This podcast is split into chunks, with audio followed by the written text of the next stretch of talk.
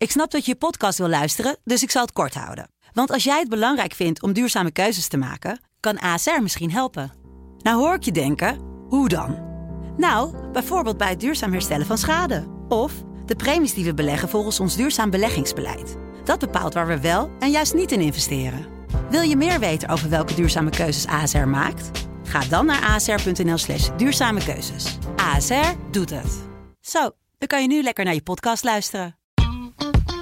Ja, jongens, welkom bij Generatie T. Wie nu een huis wil kopen, betaalt gemiddeld 20% meer dan een jaar geleden. Het is de sterkste prijsstijging in 40 jaar. Meer dan een halve ton overbieden lijkt dan ook normaal geworden. Huizenzoekers haken af, doorstromers haken af. Wie kan er straks nog wel een huis betalen? Vandaag gaan we het hierover hebben en dat doen we met... Ik ben Rick Kraus, 34 jaar, coördinator online entertainment en ik schrijf over alle zaken die nergens over gaan. Ik ben Marlou Visser, eh, 34 jaar, schrijf voor de economische redactie over personal finance en carrière. Ik ben Koen Nederhoff, ik ben 33 jaar en ik eh, schrijf namelijk over uh, reis en toerisme. En mijn naam is eh, Jeroen Holtrop, 30 jaar en ik ben eh, verslaggever voor het YouTube-kanaal van de Telegraaf. En daarvoor eh, nou, reis je een beetje het hele land door. Ja, jongens, welkom. Ehm, even een kort rondje. Wat is ieders eh, woonsituatie? Ik heb twee huizen. Dat wordt gelijk complex. Ja. Leg ik, uit. Ik, ik heb een nieuw huis gekocht en ik moet het oude nog verkopen. Ah, oké. Ja. De rest. Ja, ik woon eh, al zes jaar denk ik in een, eh, in een huurhuis in de provincie, ver weg van Amsterdam. In, eh, in Renkum, midden op de Veluwe. En is dat bewust dat je huurt? Of, nou, ik wilde destijds wel ehm, gaan kopen met, eh, met, met mijn toenmalige vriendin. Ja. En toen kwam dit huis op ons pad. Het was echt nog niet eh, eens gebouwd. Eh, zonnepanelen, drie slaapkamers, echt helemaal zo'n gezinshuisje. En toen ging het even uit. En toen eh, Ah. ben ik er blijven wonen. Oké. Marlou? Ik heb eh, een kleine vier jaar geleden voor twee ton een appartementje gekocht in het Amsterdamse, het allermooiste stadsdeel dat er is. Namelijk Slotermeer. En daar woon ik Ja. met mijn kat. Nog net op tijd eigenlijk. Ehm, nou, het voelde toen als net te laat. Omdat eh, ik had toen echt wel 30 tot 40 keer geboden op iets binnen de ring. Eh, dat, dat wilde ik eigenlijk wel graag in zo'n mooie buurt wonen. Eh, werd ik er overal keihard uitgeboden met grote bedragen ook. Deed ik één bod buiten de ring en dat werd meteen geaccepteerd. Ja. Tot mijn grote schrik trouwens. Ik kreeg een hartverzakking. En jij, Jeroen? Ik heb ook een, een koopappartementje, zo'n, ja, wat is het, 3,5 jaar geleden gekocht. In Voorburg. Toen ook een beetje het gevoel van ik ben net te laat, maar nu denk ik weer van Ja. ik was net op tijd. Ja. Eigenlijk. Onze lieftallige collega eh, Kitty Herwijer, die is op dit moment woningzoekend. Mhm. De enige dus, denk ik, hier in dit gezelschap. Die komt zo meteen nog aan het woord middels een eh, voice memo. Laten we beginnen. Hey, eh, het we gaan het dus hebben over nou ja, de, de woningmarkt, huizenprijzen. Merken jullie dat er een soort van tweedeling ontstaat op dit moment? Hè? Mensen die nog net op tijd waren en Mhm. mensen die er gewoon niet meer tussen komen. Absoluut, absoluut. Ik heb zelfs in mijn vriendenkring, ik ben dan eh, begin 30 en eh, veel van mijn vrienden ook. Maar ik ken ook wel mensen die eh, in 2014, 15, 16 eh, een appartementje hebben gekocht toen het echt nog betaalbaar was. Die bijvoorbeeld leraar waren, gewoon vaste baan.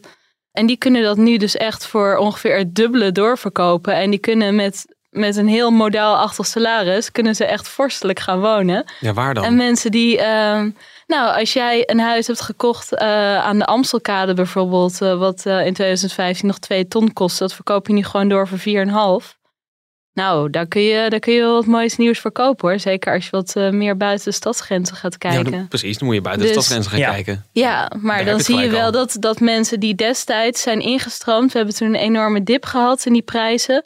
Eh, dat mensen die toen zijn ingestroomd, die zijn er zelfs ook al onder onze leeftijd, die zijn nu echt spekkoper. Mensen die later zijn ingestroomd, die zijn ook blij dat ze wat hebben. En mensen die nu nog willen instromen, ja, vergeet het maar. Ja, klopt heel erg. Hè? Ja, merk je dat ook, hè? Ja, de- de- veel vrienden die, eh, ehm, nou ja, of, of hebben bijvoorbeeld stelletjes die, die met gezinsuitbreiding bezig zijn. Nou, ja, die willen dan, hè, die wonen nu misschien eh, ergens eh, inderdaad in een, eh, een appartementje wat nu drie ton waard is. Die moeten dan ergens anders heen. Die willen dan bijvoorbeeld graag in, eh, in Haarlem wonen of iets dergelijks. Nou, dat is niet meer te doen voor ze. Het Nee. is echt ongelooflijk. Ik heb echt stellen meegemaakt die dan vertellen van ja, we hadden op een huis geboden en we hadden 60.000 overgeboden. Ja, daar ging Ja. iemand met 125.000 overheen. Ja. Ja, Ja, nou ja. je, je, hebt sowieso überhaupt geen kans meer als je eh, alleenstaand bent, hè? als je vrijgezel bent. dan, dan is het sowieso al eh, ja, niet te doen. Nee. Ja, dat, is- dat is heel lastig natuurlijk. Meestal zoeken eh, alleenstaanden wel naar iets andere huizen dan stellen. Stellen willen Klopt. er vaak toch wel een extra slaapkamer bij. Het is in allebei die categorieën heel erg moeilijk. Maar als je alleenstaande met een niet al te bijzonder salaris en geen al te vrijgevige ouders, ja, dan wordt het allemaal Ja. heel lastig. Maar dit wordt een, een Amsterdamse discussie. Eh, Rick. Nou ja, nou, dat, dat Ja. wilde ik dus vragen. op de Veluwe. Hoe is het? eh, Ja, maar hoe, hoe is het dan in de, Buiten de in, in de, eh, in de rest van het land? Hoe zit dat dan in een Groningen of wat dan ook? Nou ja, je ziet eh, zeker sinds de coronacrisis is eh, die, die hoge prijzenbubbel is als een soort olievlek uitgelekt over het land. Want mensen werken nu, nou ze hebben sowieso een hele tijd thuis gewerkt en ze denken dat ze in de toekomst ook nog wel twee of drie dagen per week thuis kunnen werken.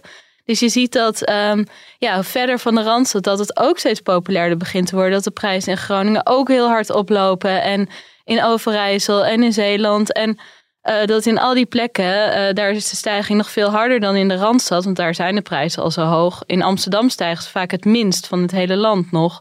Dat is al zo achterlijk duur, dat is niet meer te betalen.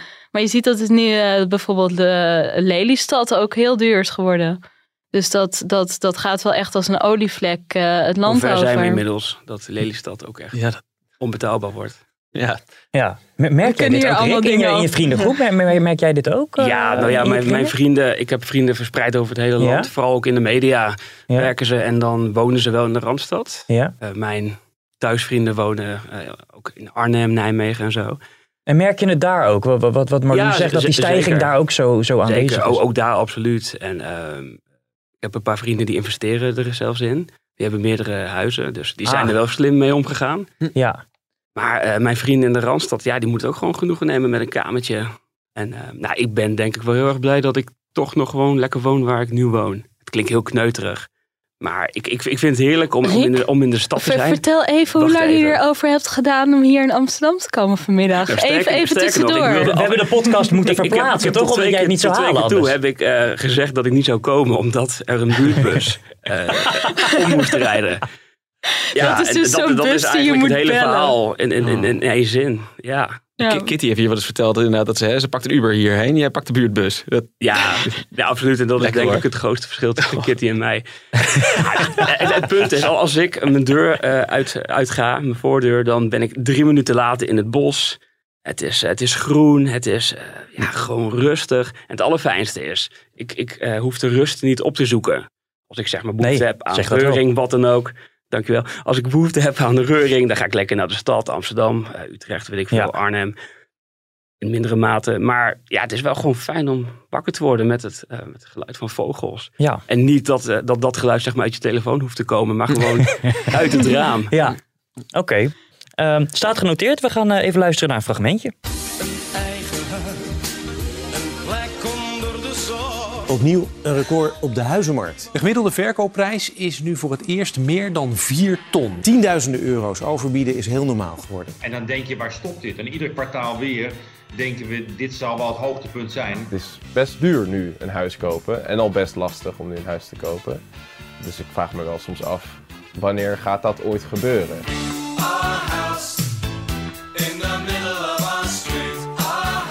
Zorg dat je je ouders lief aankijkt of ze jou wat geld kunnen schenken, zodat je daartussen komt. Als je nog geen partner hebt, nou zoek een partner, want dan heb je een hoger huishoudinkomen, kun je meer lenen. Ja. Ehm Marlou, Ja, jij bent eh, nou ja, werkzaam op de, de, de financiële redactie, zoals bekend. Eventjes in Jip en Janneke taal. Even teruggaan naar de kern. Waarom gaan die huizenprijzen nou zo omhoog? Nou ja, er is een, eh, een chronisch huizentekort.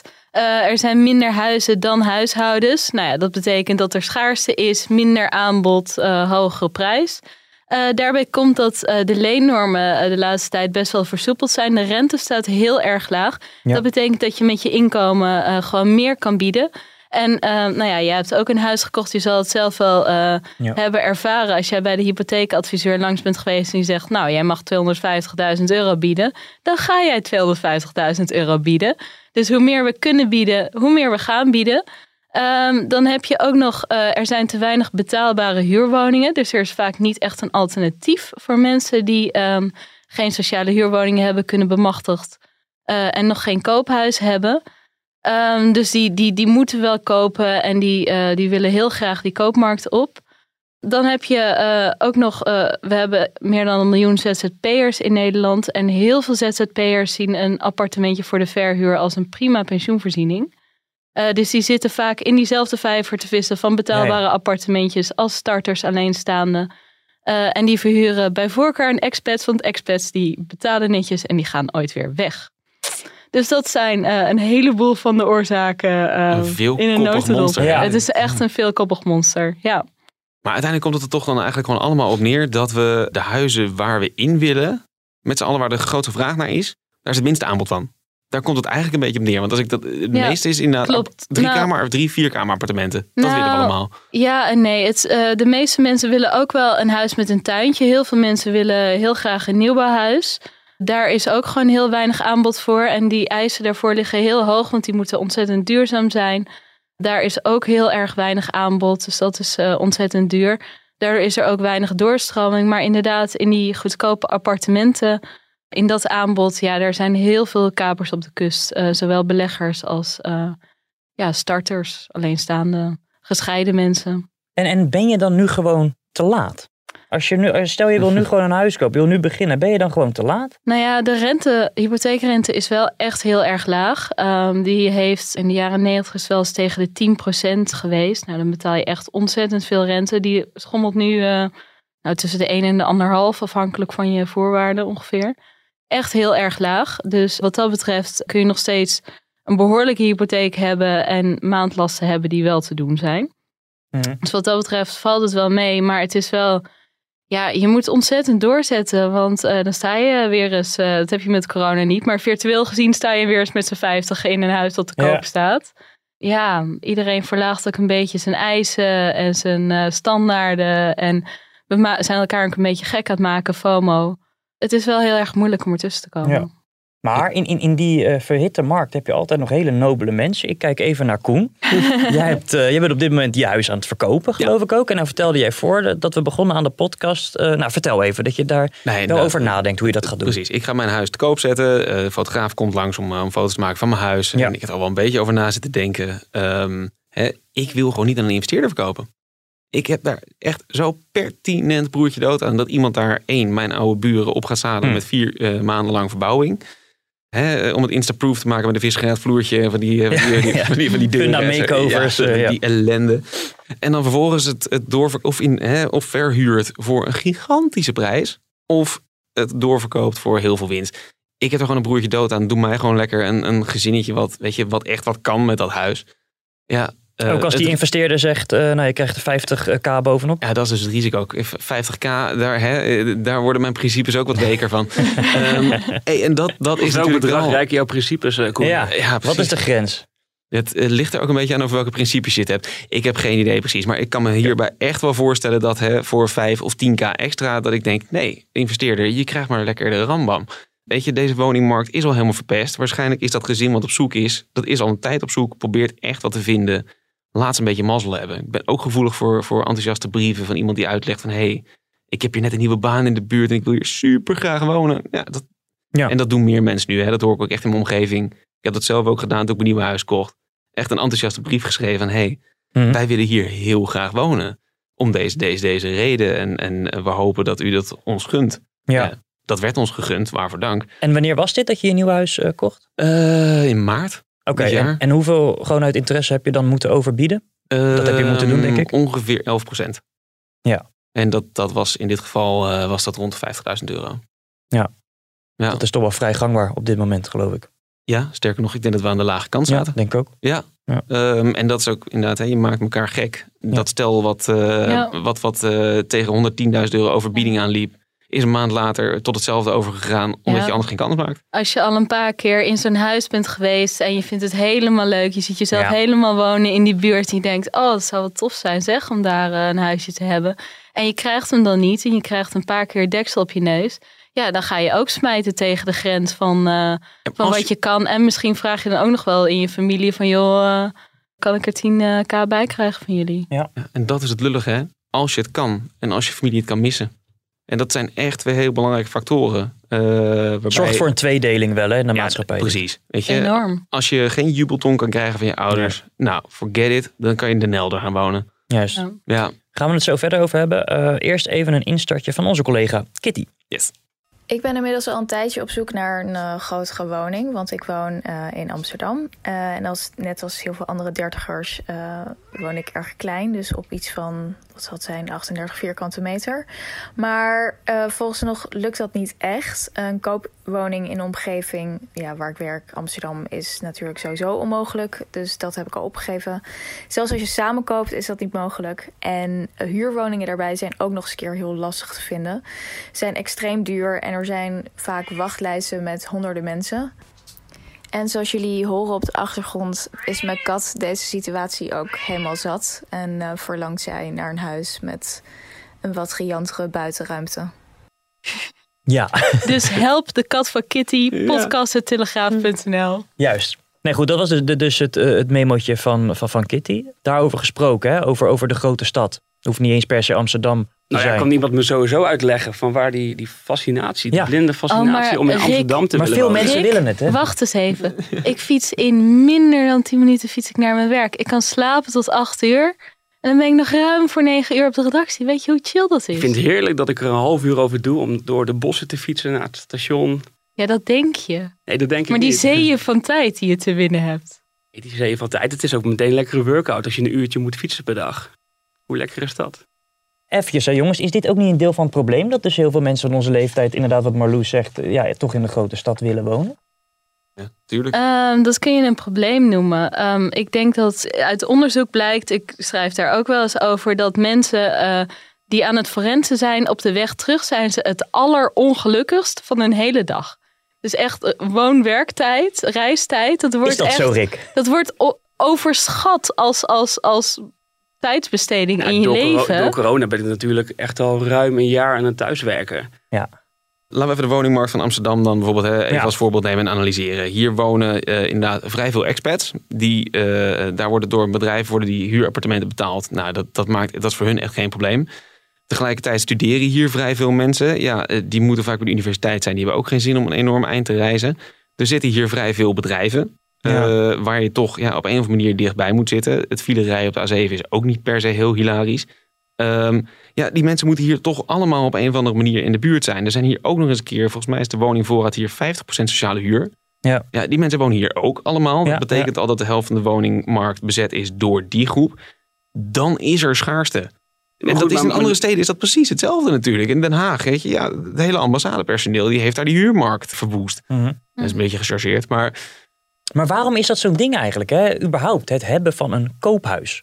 Want Nou, dat, dat lijkt nu echt wel een soort van bijna een Nou, soort statussymbool dat, of dat, zo. Dat, dat kan ik je wel uitleggen. Als Nou, je dat kijkt naar ehm, eh, vermogen, eh, CBS-onderzoek naar vermogens van mensen, dan zie je dat nou, de rijkste 10% Nederlanders, dus die het meeste vermogen aan bezit heeft, die hebben vaak eh, bedrijven en vastgoed en aandelen en spaarsaldo. Zal die, hebben van alles, maar ongeveer de 50% daaronder van de rijkste Nederlanders, die hebben hun vermogen dat bestaat uit hun huis.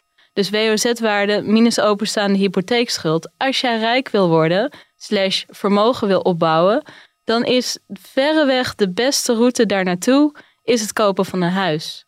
En natuurlijk kun je ook op de goede cryptomunt gokken of een fantastisch bedrijf opstarten of de staatsloterij winnen. Alleen dat gebeurt net iets minder vaak. ja, het is de meest waardevaste investering. Hè? Over de lange termijn gezien kun je echt verreweg het beste baksteen hebben.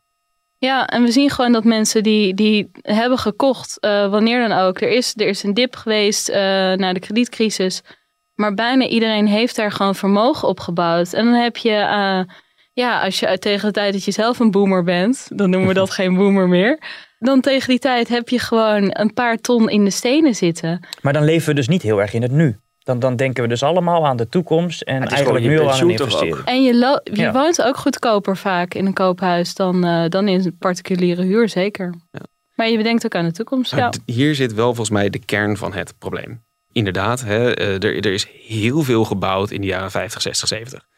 Eh, en dat kwam dat er ook een geboortegolf was geweest. Die mensen moesten allemaal ergens gaan wonen. Nou, dat is allemaal redelijk betaalbaar gegaan.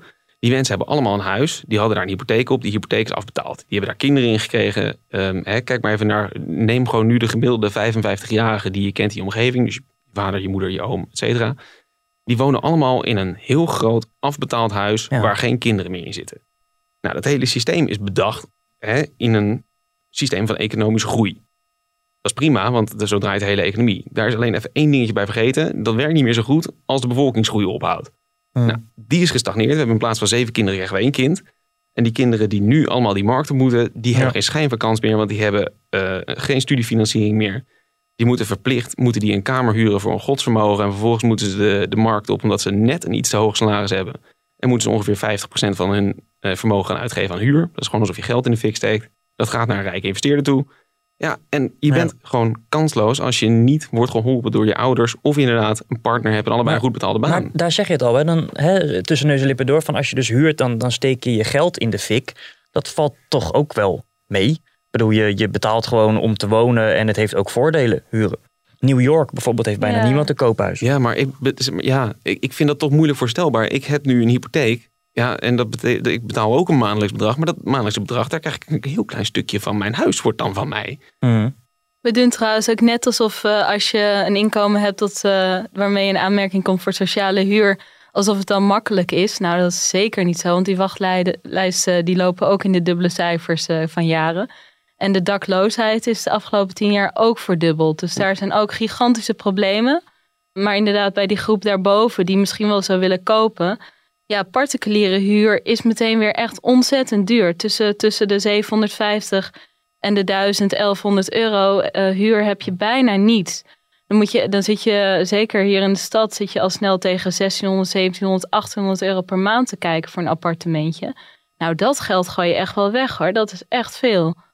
Als je er niets voor terugkrijgt, dan kun je een mooi huis verkopen als je dat maandelijks aan een hypotheek eh, kunt uitgeven. Hoe, hoe voelt dat voor jou, eh, Rick? Want ja, jij nou, ik, ik heb destijds... ehm, eigenlijk verdiende ik destijds te veel om in zo'n huurwoning eh, te komen. Sociale huur? Ja, het, het is net daarboven. Eh, het heeft officieel niet die naam. Eh, dus toen heb ik iets verzonnen waardoor ik zeg maar wel eh, die woning kreeg. Ja, het was een supermooi huis. Ja? Ik was echt tuin, eh, Oké. veel kamers en zo. Ja, ik, ik betaal niet heel veel. Ik betaal zeven nog wat of zo. En dan heb ik drie slaapkamers. eh, wat ik al zeg, helemaal Mhm. groen, geen gas meer. Maar ja, ik moest ook wel. Mijn moeder benadrukte toen ik 18 werd. Schrijf jezelf in bij zo'n woningcorporatie. En dan, eh, ja, dan gaat het goed komen. Nou goed, mijn toenmalige vriendin die deed dat ook. Iets jonger dan ik. Nou ja, en op een gegeven moment, eh, ik kon gewoon kiezen tussen alle huizen die ik wilde. Ja. Maar ik begrijp dat, ja, het is nu een beetje moesten na de maaltijd voor de mensen die luisteren. En die echt al eind 20, begin 30 zijn. Ja, dat, dat gaat je nu gewoon niet meer lukken. Nee. En dan ga je in één keer naar eh, particuliere verhuurders. Maar zou je liever iets willen kopen? Of, of, of Ik zou het ab- absoluut op, op den duur wel. Kijk, het is nu gewoon, ik vind het wat ik al zeg, en dat heb ik nu al 30 keer benadrukt. Het is gewoon heel fijn waar ik nu woon. Op den duur wil je gaan samenwonen. Ja. En dan ga ik denk ik toch wel langzaam ook eh, ja, een stad in. Niet meer het dorp, want dat geloof ik wel. Vertel nog één keer hoe lang je erover had gedaan om hier te komen. Ik heb er ongeveer 33 minuten over gedaan, Malou, om eh, hier te zijn. En een uur eraan vast.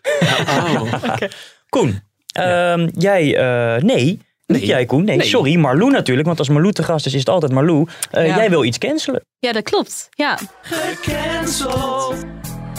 Gecanceld. Gecanceld. Je doet nu echt niet meer mee. Je mag. Zit je hoog, hè? Ja, ik wil echt ontzettend graag post van goede doelen cancelen. Ah. Ik heb wel een aantal goede doelen, die steun ik gewoon met een bedragje per maand. Maar ik heb ook in het verleden wel eens in een moment van weekhartigheid eh, gewoon eenmalig een bedrag overgemaakt. Toen bijvoorbeeld een van mijn beste vriendinnen haar vader verloor aan darmkanker. Toen dacht ik, weet je wat, ik maak 50 euro over naar KWF. Nou, die 50 euro hebben ze echt tot op de allerlaatste cent uitgegeven aan eh, brieven die aan mij zijn gestuurd eh, om te vragen om meer geld. Vorige week kreeg ik er weer één. Met iedere brief groeit de irritatie. Dus ik zou zeggen, jongens, doe het niet. En cancelen we daarmee ook mensen die aan de deur komen om eh, te verkopen? Ja, eigenlijk bij voorkeur wel. Nou, daar had ik ook laatst iemand aan de deur. En toen zei ik, oh, eh, heb je een collectebus? Want daar ben ik nog best wel bereid om te kijken of ik ergens wat kleingeld heb en erin te duwen. En dan zei hij, nee, nee, nee, je moet meteen donateur worden. En dat je denkt, dan doe ik de deur even niet open. En ze hebben ook gewoon zo'n... eh, laatst had iemand een pinautomaat bij zich. Echt gewoon zo'n sorry, zo'n Oh ja, apparaatje. zo'n witte. En- ja, en ze worden heel creatief ook. Want ik deed de deur open in, in mijn eh, ochtendkledij. En ze hadden een, een of andere blauwe eh, loper uitgerold. En ze stonden daar met z'n tweeën, eh, maar zeg maar, Ja, ja. op te wachten. Ja, ze Ja. nog net niet van die trompetjes om, Nee, eh, nee, om er binnen nee. te harken. Maar goed, Nou. helaas. Bij deze, jongens. Uh, thanks uh, daarvoor, Marlou. Uh, even terug naar het, het, hoofdonderwerp. Als we het dan gaan hebben of daarover gaan filosoferen. Hè, oplossingen van het probleem. Dan zegt men al snel bouwen, bouwen en nog eens bouwen. Maar, en ik moet het even bijpakken. Volgens Peter Heijn van Mullige, hoofdeconoom bij het CBS verhelp je het probleem zo niet, want dat is niet de enige oorzaak van het probleem. Het gaat ook gewoon om het feit dat men te veel verdient in Nederland. Um, ja, dat klopt. Dat is wat, uh, wat ik eerder ook al zei. Als je veel kunt bieden, dan ga je ook veel bieden. Uh, en door de lage rente en versoepelde leennormen kunnen we best wel veel bieden. Dus gaan we ook veel bieden. Dat is natuurlijk waar. Um, hij zegt ook van ja, met dat huizentekort valt het wel een beetje mee met het aantal huizen en het aantal huishoudens. Maar uit ander onderzoek blijkt dat de groep die ja, zeg maar noodgedwongen met iemand een huishouden vormt. En denk daarbij aan uh, twintigers die nog thuis willen wonen, die best wel graag op zichzelf willen. Of uh, jong werkende dertigers die met z'n drie een appartement delen en die eigenlijk ook wel een eigen keukentje hadden willen hebben. Die groep, daar missen we ongeveer 300.000 woningen voor in Nederland. Als je dat gaat meetellen, dan is dat woningtekort toch best wel weer uh, serieus. Ja, en wie zitten er in die woningen die ze graag willen hebben? Volgens mij is dat de groep die, uh, zeg maar, de, de, de, boomers, die gewoon een huis bezet houden. Kunnen ze ook niet zoveel aan doen. Want als die hun huis verkopen voor vijf ton en ze willen verhuizen naar een mooi appartementje wat wat meer maat is gemaakt, dan betalen ze daar veel te veel voor. Moeten ze een nieuwe hypotheek aangaan. Klopt. Ja, je ziet ook dat er best wel een mismatch is op de huizenmarkt. Ja. Dat bijvoorbeeld uh, best wel veel senioren uh, zouden behoefte hebben aan een uh, mooie moderne flat, gelijk vloers, beetje aanpassingen voor de oude dag. En dan liefst wel betaalbaar en, en misschien ook wel gezellig met andere senioren in het gebouw. Ja, daar is gewoon heel erg weinig aanbod voor. Nou, sterker nog. En die blijven allemaal zitten in een grote gezinshuis. Ik heb om me heen ook al gezien ouders van vrienden. Die, uh, die verkopen een, een, een ouderlijk huis, zeg maar. Een, een groot huis. En dan gaan ze huren. En dan gaan ze ergens in een heel klein uh, oh ja. apart... Of heel klein, wel in een mooi appartement natuurlijk. Niet in Amsterdam. Maar dan gaan ze daar, gaan ze daar zeg maar, de rest ja. van hun uh, ja. leven nog even slijten. Ik heb daar een oplossing voor. Voor dit, voor dit dit idee. Ja, twee Oké, okay, nou ja, goed. Koen, uh, Eentje, pak de je, microfoon. Je, je, pakt een, een, we hebben nu, hey, iedereen gaat thuiswerken. Oftewel kantoorpanden, die hebben we eigenlijk een stuk minder nodig. Nou, dan heb je een soort rijksprogramma nodig, wat gewoon kantoorpanden gaat opkopen van bedrijven. Bedrijven vinden dat tof, want dat kan je uitkeren aan aandeelhouders. Mm -hmm. Nou, die zijn dan ook helemaal tevreden en die kunnen dan verder eventjes om mond houden. Nou, dan vervolgens ga je, uh, dan moet je uh, de uh, bestemming wijzigen van die panden. En die panden ja. voor een, een redelijke prijs gaan ombouwen tot appartementen met goede voorzieningen en toegankelijkheid voor mensen die je het liefst uit, die eensgezinswoningen wil hebben, maar die daar zitten omdat ze er eigenlijk niet uit kunnen. Als je dat doet, kan je volgens mij, als je die kantoorpanden, dat een, ik geloof dat er voor de oppervlakte van de bebouwde kom van Apeldoorn leeg staat aan kantoorpanden op dit moment in Nederland. Ja. Als je dat ombouwt, dan heb je een heel groot deel ontvangen. Het andere wat ik had bedacht, maar dat is denk ik iets te impopulair om er doorheen te krijgen, in Amsterdam heb je nu een soort van, uh, als je naar de parkeerkaart kijkt van Amsterdam, dan heb je hè, het centrum, daar betaal je 6 euro per uur. Circuit eromheen 5 euro, circuit eromheen 4 euro, et cetera, et cetera. Mm. Wat nou als we Nederland ook zo gaan indelen? En we maken we zones waarbij mm. uh, je per persoon wat in een huis mag wonen, een bepaald aantal vierkante meter beschikbaar is. Oftewel, je begint, hè, iedereen heeft even een keuken en een badkamer nodig. Dus ja. nou, als je een eenpersoonshuishouden mag in het centrum van Amsterdam maximaal 45 vierkante meter bezetten. Ga je er overheen, moet je eruit. Um, dan moet je eruit. Ja, dus dit, dit is okay. voor de lange termijn. Ja. Um, dan ga je vervolgens kijken, hè, met, met een persoon erbij, komt er 25 vierkante meter bij. Als je een eenpersoonshuishouden bent in Elspet, dan mag je 70 vierkante meter bezet houden, want daar staan grotere huizen, is meer beschikbaar. Daardoor verdeel je, als het ware, over het land de huishoudens die, hè, de, de kleine huishoudens. Ja. Marlou, ik, een reactie. Ik vind het creatief. Ik vind het zeker creatief, maar het gaat hem sowieso niet worden. Um, al is het maar, uh, ja, het recht op bezit is volgens mij zelfs officieel een van de mensenrechten. Ja, ja, ja. Dus je kunt mensen echt niet zomaar uit hun eigen huis uh, zetten of daar uh, tegenaan bemoeien dat er meer mensen bij mogen. Of ja, dat, dat druist in tegen zoveel juridische wetsartikelen. Uh, wetsartikelen zijn altijd juridisch, sorry. Maar dit druist in tegen echt heel veel dingen waarop onze samenleving is gebaseerd. Maar het is wel creatief. Ik denk dat het wel heel veel. Ik denk dat het wel, en ik weet dat het niet kan, maar ik denk wel dat het recht doet aan een best wel groot onrecht wat er is. Want je zou ook in feite willen dat iedereen zijn recht op een huis of wonen ook een beetje normaal kan uitoefenen. Zeker. Je merkt echt dat er nu gewoon een sociale groep is ja. die dat niet meer kan. Die Ja. precies tussen die laag in zit van het wel kunnen kopen van een huis en aanspraak kunnen maken op sociale huur. Ja. Ja, die groep moet je iets voor doen.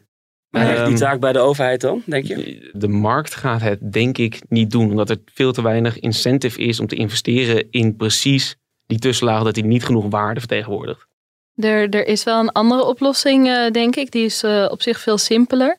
Als je nu een uitkering ontvangt, AOW of bijstand, dan is die gebaseerd op eh, met hoeveel personen je woont. En als je alleen woont, krijg je uit mijn hoofd 70% van het minimumloon. En als je samen woont, krijg je ieder 50.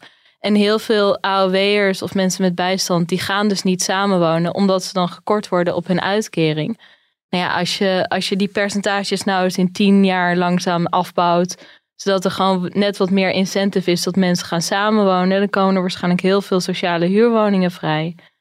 En andere betaalbare appartementen. Omdat mensen dan eh, Ja. wel gaan samenwonen die gewoon willen samenwonen. Zonder dat ze meteen keihard financieel gestraft worden. Dat hoor je ook heel vaak, hè? het aanpakken van de, de beleggers en, en nou ja, dat wat kritischer benaderen. Hoe, hoe kijken we daar tegenaan? Op zich worden die beleggers nu een beetje aangepakt met een hogere overdrachtsbelasting van 8%. Maar ja, met prijsstijgingen van 20% in een jaar, dan, dan lacht een beetje belegger daarom. Eh, dan maakt het echt niet zoveel uit. Op zich heeft de SERWE laatst groot arbeidsmarktadvies uitgebracht, waarin ook iets zat dat ZZP'ers eh, aan een soort van plichte pensioenvoorziening moeten bijdragen. Nou ja, dat zou natuurlijk al deels schelen als zij gewoon heel veel geld daarin gaan stoppen, waar ze nu heel vaak de huizenmarkt als een pensioenvoorziening zien. Ja, op zich kun je, kun je beleggers natuurlijk niet echt tegenhouden. Maar het is wel als, als corporaties de vrijheid krijgen of het geld krijgen om meer eh, betaalbare middenhuurwoningen in de markt te zetten, dan is er voor beleggers wat minder te verdienen. Want als jij ook gewoon eh, in een corporatiewoning kunt wonen voor 1000 euro per maand, ja, dan betaal je niet eh, 1600 eh, aan een of andere particuliere belegger. Dus wat dat betreft meer aanbod in die sector waar het heel erg nodig is. Daarmee zou je ze wel eh, eens een spaak in de wielen kunnen steken. Ja, dat is ongeveer wat er in de coronacrisis hier schijnt te zijn gebeurd in Amsterdam. Doordat alle short huur, dus, voornamelijk gericht op expats. Ja, de expats kwamen niet meer, want de grenzen waren dicht en, en en Ja. kantoren ook. Eh, de short huur werd lange huur. eh, dus verzadigde die markt, dus daalden hier de huurprijzen iets. Top, want dat verpest hè, het, het voor eh, investeerders om daarin te in- gaan investeren. Dus ik denk inderdaad dat je helemaal gelijk hebt. Dat je als je het aanbod wat meer naar de vraag toe brengt, Ja, tegelijkertijd, ja, uiteindelijk is het ook gewoon die investeerders. Ja, volgens mij telt gewoon hè, het, het vastgoed wat je bezit, telt uiteindelijk ook gewoon mee in je belastbaar inkomen. Nou, Ehm, dat is dus ook nog iets heel geks. Huurinkomsten zijn dus niet belast. Het wordt gezien als, daar als, kunnen we als mee gaan bezit. beginnen. Het zit in box 3. Nu word ik meteen heel technisch volgens mij. Maar huurinkomsten zijn dus niet belast. En dat is ook al gewoon is een beetje natuurlijk gek. wel heel Dat is Dat is echt wel gek. super Het wordt gezien als bezit namelijk. Ja. Dus het valt onder de vermogensrendementsheffing, de spaartax. Ja, ja. Ja, dat is ook heel gek, want het is eigenlijk natuurlijk gewoon inkomen. Dus eigenlijk zou je er eh, ja, dikke inkomst, eh, inkomensbelasting over moeten heffen. Ja, Rick, heb je bij- jullie ook huisjesmelkers en beleggers en eh, een lokale Prins Bernhard? Of? Ja, en die, en die worden dan aan de schandpaal eh, genageld. En dan gaan Ja. ze op het plein staan Ja, en dan ja, gaan we met hooivorken en zo. En Dat dacht ik. Ja. Ja. Nee, wordt er veel opgekocht dan ook, ook daar? Of, eh? Eh, ja, maar dat, dat, eh, het is best wel een welvarende gemeente, zeg maar, waar ik woon. Mhm. En ja, er zijn inderdaad een paar, ja, een paar grote makelaars zijn, zitten daar. Maar ja, zijn niet echt eh statuur eh, Bernhard of zo. nee. Maar ik zat nog wel te denken, we hebben het nu vooral over, over huizen kopen en dat dat lastig gaat. Ja. Ah, Ik weet ook gewoon, er zijn zoveel mensen die überhaupt eh, eh, al heel veel moeite moeten doen, inderdaad, om, om het bedrag bij elkaar te, te krijgen om te kunnen huren. Mm. Gezinnen Ja. en, en dat Ja. soort. eh, ja, mo- hoe wil je dat gaan aanpakken dan? Ja, volgens mij is daar de, inderdaad de enige oplossing voor, is hè, zorgen voor de beschikbaarheid van eh, eh, woningen waarin dat kan. Die beschikbaar zijn.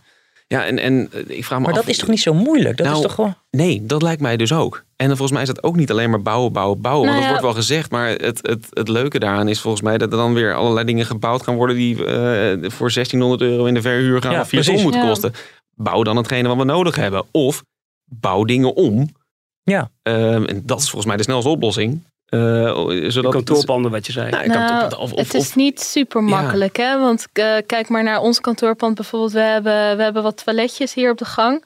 Dat is eigenlijk het enige met water wat er hier in dit gebouw is. Als je hier allemaal appartementjes van maken, die gaan allemaal douchen, die gaan allemaal koken, allemaal wasmachine.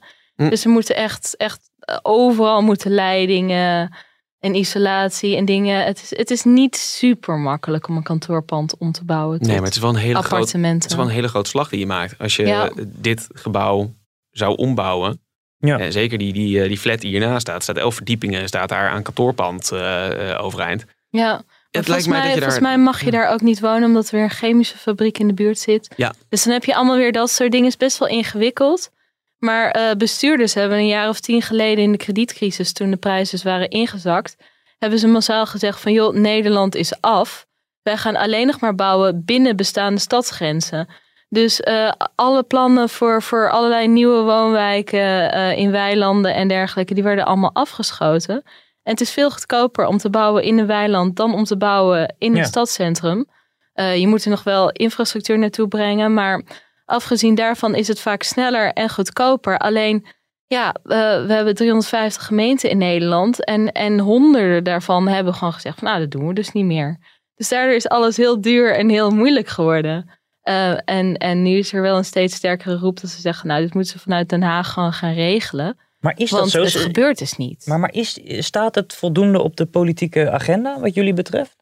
Volgens mij komt er nu, de- hè, dat, dat wordt een beetje gefluisterd, dat in die formatie die nu gaande Ja, ja. is, die eindeloos duurt, maar die is wel gaande, dat er een minister van Wonen zou moeten komen. Nou, Ja. dat, dat, hè, eh, en het is niet alsof Wonen helemaal niet op de agenda stond, dat viel gewoon onder, eh, onder een ministerie. volgens mij. Ollongren, zij was eh, officieel ook Ja. minister van Wonen. Ja. Ehm, Maar ja, staat heeft- het er ja. genoeg op? Nou, blijkbaar niet, want het wordt alleen maar erger. Nou, helemaal in de toekomst toch? De studenten van nu, ja, die, Ja. Die, die beginnen al met een, met een behoorlijke eh, schuld. Ja.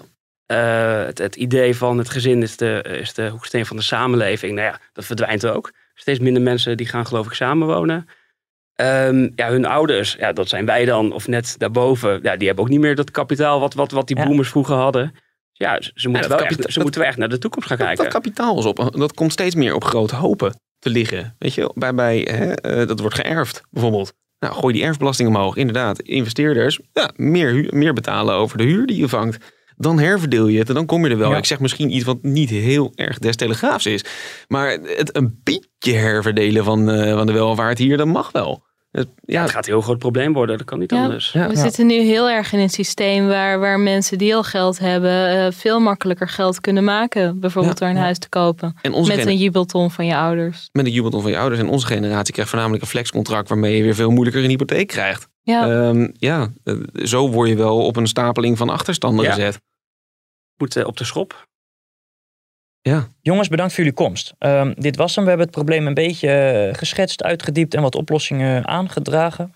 Ehm, En nog even de oproep voor, eh, voor ja, Kitty. ja, podcast.telegraaf.nl als, als je een leuke woning beschikbaar hebt voor Kitty Herwaaien. Ga niet eh, Kitty's telefoonnummer of e-mailadres eh, live.